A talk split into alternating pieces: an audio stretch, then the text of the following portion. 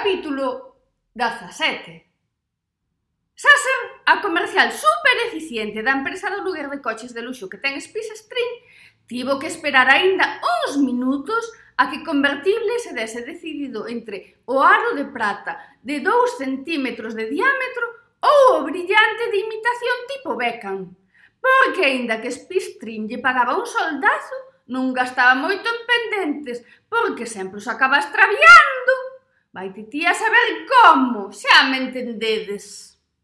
Sasser, ca súa infinita paciencia, agardou a que el rematase pois, e se puxese en camiño, e mentras agardaba non puido evitar facer comentarios do tipo de Desgraciada pura! Pareces a pantoja con tanta xoia! Metrosexual do carallo!» Bueno, igual, a súa paciencia non era tan infinita. Pasou polo seu lado o deportivo último modelo de Mr. Jojovic, o executivo agresivo super fashion victim total con Miss Comtret, a investigadora da nobleza especializada en roubos de guante branco, porque eran os que máis cartos lle daban, aparte de que se podía pegar unha vida de cine de hotel en hotel, e aló pola Riviera Francesa e tal, e que se acabou asociando cunha DSL PPP o noso contacto en Beijing. De fondo, Ai que sencilla, ai que sencilla, con Chanel número 4, que es máis barato, ai que sencilla, ai que sencilla. E acabou facendo daquela bodega un cortello. Home, xa se sabe.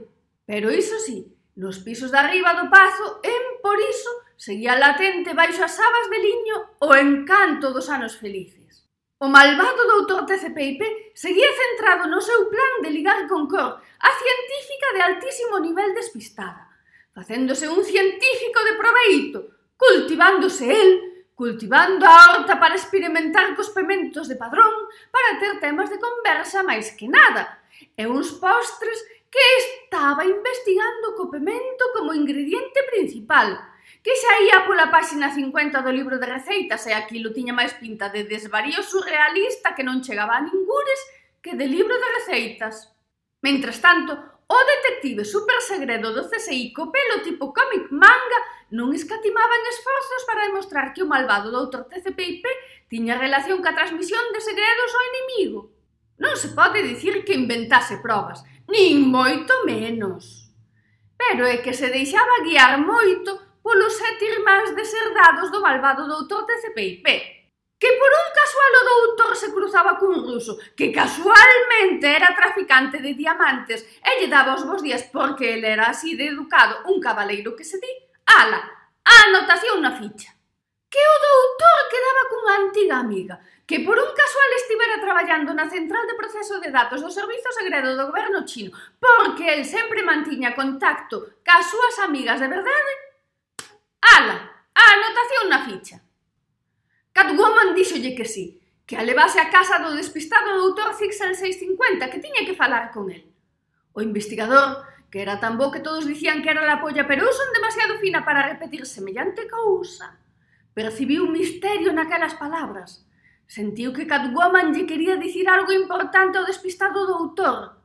Confesaríalle quizáis eses lazos que os unían e que el viña sospeitando desde había tempo. Posiblemente, pensou. De camiño ao coche non falaron. Sentían como que non facía falta. Por primeira vez o investigador non sentía aquela angustia de non dar o nivel. Non é que estivese seguro de dalo, é que xa non lle importaba. Estaba a gusto. Ela estaba ao seu carón, pois sabía que disfrutar o momento. Cando sentaron no coche, el tardou en arrancar, porque quedou atrancado entre dous autobuses e non daba saído. Tiña a radio posta, pero só se escoitaban interferencias. Catwoman parecía ausente. Estaría pensando en como dicirlle a Zixel 650, pensou o investigador. Cando se dou desatrancado dos autobuses, a radio comezou a soar. Unbreak my heart, say you love me again. And I, will always love you.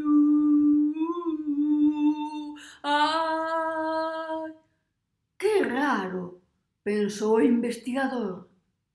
Aínda que caera nun profundo sono, algo a fixo despertar. Ese hotspot, Unha vixianta da praia que deixou a súa California natal porque estaba farta de que a encasillasen como a típica loira californiana, retocou a raíces e marchou o máis lonxe da civilización que puido e acabou montando unha discográfica aquí na Coruña. Non estaba de jarana!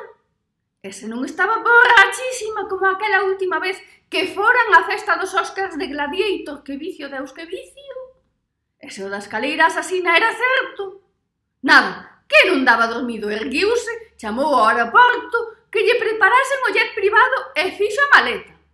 Mientras tanto, Hotspot allea as dúbidas da súa amiga e a con paso firme cara ao lugar maldito.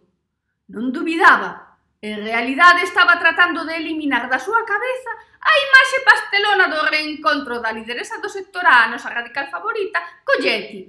E iso que ela non sabía, que só había uns días que non se vían. Ai que sencilla, ai que sencilla! e o acelerador do Deportivo, último modelo de Mr. Jojovic e Miss Contret, bueno, que ser era de Mr. Jojovic, pero é un dicir, pois iso, que o acelerador non botaba fume porque era un descapotable e non lle daba tempo a queimarse. Pero baixaban pola corbeira que nin o teme oco blaster. Chegaron ao domicilio privado de Spistrín. Era un ático na praza de Pontevedra Mirando a futurista praza de Lugo reconstruída e convertida de novo en praza de abastos, moi a pesar do alcalde. Tiña unha terraza inmensa, unha desas torres acristaladas super pija, ya tú sabes, que debía costar un pastón. O primeiro que lle pasou a Mr. Jojovic pola cabeza, aparte de pedirlle un aumento de soldo a dinámico o dono de Bollicaos Line, foi que unha empresa de aluguer de coches de por moito luxo que fosen, non podía dar para pagar aquilo, non, ali había algo raro. Miss Comtret, que parecía ter conexión telepática con os executivos Super Fashion Victim, xa nas festas en Milán se comunicaban con miradas para localizar bollazos máis que nada, tampouco vai a despensar. Notábase que perfeccionaron o sistema. Díxolle que igual fora unha herdanza, pero sen crelo moito, que a ela tamén lle parecía un luxazo, para que nos imos enganar, que a ela ter o que tiña custaralle moitas xeracións de Comtrets. Porque ah, se eu chega a saber, non ia ter miramentos ninguns. A ver, xa me diredes, a lideresa do sector A viña toda decidida a rescatalas e plantas polo primeiro yeti que aparece. No fondo, ela comprendía. É que se lles notaba na mirada. Ai, a primavera! Con estes pensamentos tan alegres, felices e distraídos, e achegándose perigosamente, sen decatarse case, metiuse inconscientemente escaleiras aseina abaixo, parou no medio. O silencio devolviu na realidade, pero non recuou nin un chisco. Que Hotspot xa se enfrontara a tiburóns sanguinarios e, sobre todo, a turistas con camisetas hawaianas. A ela ia se lle poñer chulo a escaleira. Cada vez estaba máis escuro e máis silencioso. Lembroulle a aquilo que contaban na historia interminable de que non se vía nada. Os poucos escalóns xa se lle afixo a vista e case podía distinguir os escalóns. Nada que non fixese antes noutras circunstancias tamén distraídas. Ainda que por outros motivos. Habitualmente non baixaba e menos subía polas escaleiras, Pero a ela parecíalle que estaba baixando demais. Diti que en ascensor todo se fai máis curto. Por fin chegou a un punto onde a cousa comezaba a aclarar. Unha luz tenue, case acolledora. Unha suave cor lila, que bonito, pensou. Mentres tomaba nota para poñelo no seu despacho, porque quedaría así como moi alternativo, cousa que lle viña moi ben, porque as directivas das compañías de discos tiñan esa fama, na súa opinión injustificada, de aves de rapiña. Porque ela sempre que tropezaba casualmente no super por dicir algo co amigo íntimo da xefa da oficina de contraespionaxe de Gibraltar, ala, anotación na ficha, que casualmente o chamaba a secretaria do presidente de Marita para falar dun asunto confidencial, ala, Fundación na ficha. O detective supersegredo do CSI tivo que ampliar varias veces a ficha para dar cabida a tantas casualidades que el, por suposto, consideraba actos premeditados e moi ben estudiados do malvado doutor TCPIP. Mentres tanto, este ignorante, ollo non confundir con este ignorante, Seguía perfeccionando os seus estudios e investigacións sobre os pementos de padrón. Conseguira unha salsa verde tipo o humus italiano, pero a base de pementos. A pique se estivo de chamar a Cisco Company para que lle pasasen con cor e contarlle, e aproveitando a ocasión, quedar e, e, e tanto se emocionou que lle dou a vertixe e tivo que pasar un mes de repouso na cama. Chamou a invisible para que lle dixese sutilmente e como can non quere a cousa que ele estaba convalecente. Pois se caía unha visita, pero a despistada científica limitouse a mandarlle unha postal destas de espero que te recuperes pronto cunha foto dun bebé de Anguedes que máis que aliviar a súa ansiedade aumentou una e ademais sumiu uno nun mar de contradiccións porque as letras escritas da man de cor eran a luz que iluminaba o seu día. Pero a foto do bebé, monstros repelentes que non fan máis que chorar e comer, xa me entendedes? Pero Miss Contret tampouco quería facer prexuicios, máis que nada para ir, como que di, enfrontarse sanamente ao caso. Porque ela, ademais de sofisticada, era unha profesional como a copa dun pino Mr. Jojovic, pola súa parte, seguía pensando mal, porque para unha satisfacción que lle dá a vida, pois como para non disfrutala. Que de momento, aquilo da investigación non lle parecía tan sofisticado como lle comentaba sempre Miss Contret. Tampouco estaban investigando un roubo de guante branco, nin estaban na Riviera Francesa, pero o ático estaba moi ben e estaba desexando entrar. Chamaron o timbre, non respondía ninguén. Lóxico, pensou Miss Comtret, ao fin e ao cabo estaba desaparecido.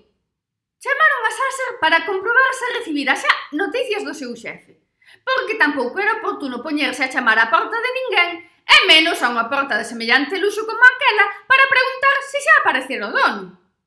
Sasser dixo que non, que non tivera noticias súas, aínda que Miss Comtret notou unha certa dúbida na súa voz. A veces veo o coordinador Seguía coma unha cantiga da Santa Compaña nunha noite fría de inverno nun monte perdido da Galicia profunda. Pero Hotspot seguía cara adiante. A lideresa do sector A miraba con olliños tenros o Yeti. Por fin, el dixo algo do tipo de boteite de menos. E ela enterreceuse máis, pero seguiu dicindo porque non podía deixalo aí, é que non se aguantan. Non oiu nunca iso de o vos e breve dúas veces bo. Pois non debiu, el seguiu dicindo. Como se che ocorre deixarme tanto tempo só, sen avisarme, sen dicirme nada? Imagino que o Yeti dicía aquilo en plan «Canto cantísimo te botei de menos!» Pero a lideresa do sector A non lle tomou por aí. Como ia? Díxolle que non era o seu pai para pedirlle explicacións e que aínda que fose o seu pai non lle asía dar que xa era grandiña para traer os justificantes, que na gardería non llos pedían e quen se cría el que era, pero imos ver. De non estar tan lonxe a escaleira asesina, reconduciría polo bo camiño e acabaría convertindo nunha coqueta escaleira de caracol, porque é que metía medo per medo. O Yeti sorriu feliz. Por fin volvera a súa radical favorita. Ela que se sentiu comprendida, amada e respetada, decidiu que xa era hora de poñerse mans á obra e ir ao rescate de Crawford, porque Celia xa lle insistira en que estaba esperando pola súa axuda. Mirou ao redor e non viu a hotspot. Por un mínimo espazo de tempo sentiu medo. Non porque lle puidese pasar algo, senón porque polo seu achuchón collete poidera haber outra víctima da escaleira asesina. Antivirus mentre sobrevoaba o océano, chamaba aos seus contactos na Coruña. O tal Filarte estaba chamando desesperadamente a calquera que lle collese o teléfono. Pero Invisible tampouco se fiaba moito do malvado doutor TCPIP. Xa lle xogara unha vez e ben podía haber outra, porque canto máis avanzaba o tempo, máis sabía el do seu punto feble. Pediulle axuda a Cor, precisaba que ela comezase a investigar na fórmula da visibilidade, porque o despistado doutor Zixel 650 podía desaparecer, xa me entendedes, en calquera momento. En por iso, sabía de sobra que o malvado doutor CCPIP nunca lle faría mal a Cor, porque podía ser malo malísimo, pero tiña o seu corazonciño. Pola súa parte, o detective supersegredo do CSI seguía facendo anotacións na ficha do malvado doutor, seguía o de preto, todo o de preto que o podía seguir sen que se decatase, é dicir, que tiña que andar con un teleobxectivo da hostia, unha parabólica da hostia e non se enteraba da misa a metade. Perdón, perdón, perdón, que se me esquecía que son moi fina. Tiña o que seguir a unha distancia considerable, empregando medios técnicos avanzados, o que non derivaba exactamente en resultados óptimos e convertiu o pobre malvado doutor de CPIP nun terrorista internacional. Mentres, el seguía cas súas investigacións sobre o pemento de Padrón para conquistar a cor. Windows XP, a nosa libertadora de loira melena pantén porque yo lo valgo favorita, Acompañou a estilosa señorita New Look e a Poppy, a nosa executiva de alto nivel favorita, á casa da estilosa señorita New Look, porque ían facer unha reunión con Bampi, que era o que levaba isto do vampirismo na Coruña. Windows non pensaba meterse a vampira tamén, pero gustaballe saber de todo e tiña curiosidade por saber como eran ese tipo de reunións, se eran tipo as do Tupperware ou así. Cando chegaron, a estilosa señorita New Look entrou como recoñecendo de novo o seu piso, que parecía unha leoneira máis ben. Comezou a alterarse, Pero cando viu o despistado doutor Zixel 650, mirou extrañada cara a Windows e Poppy.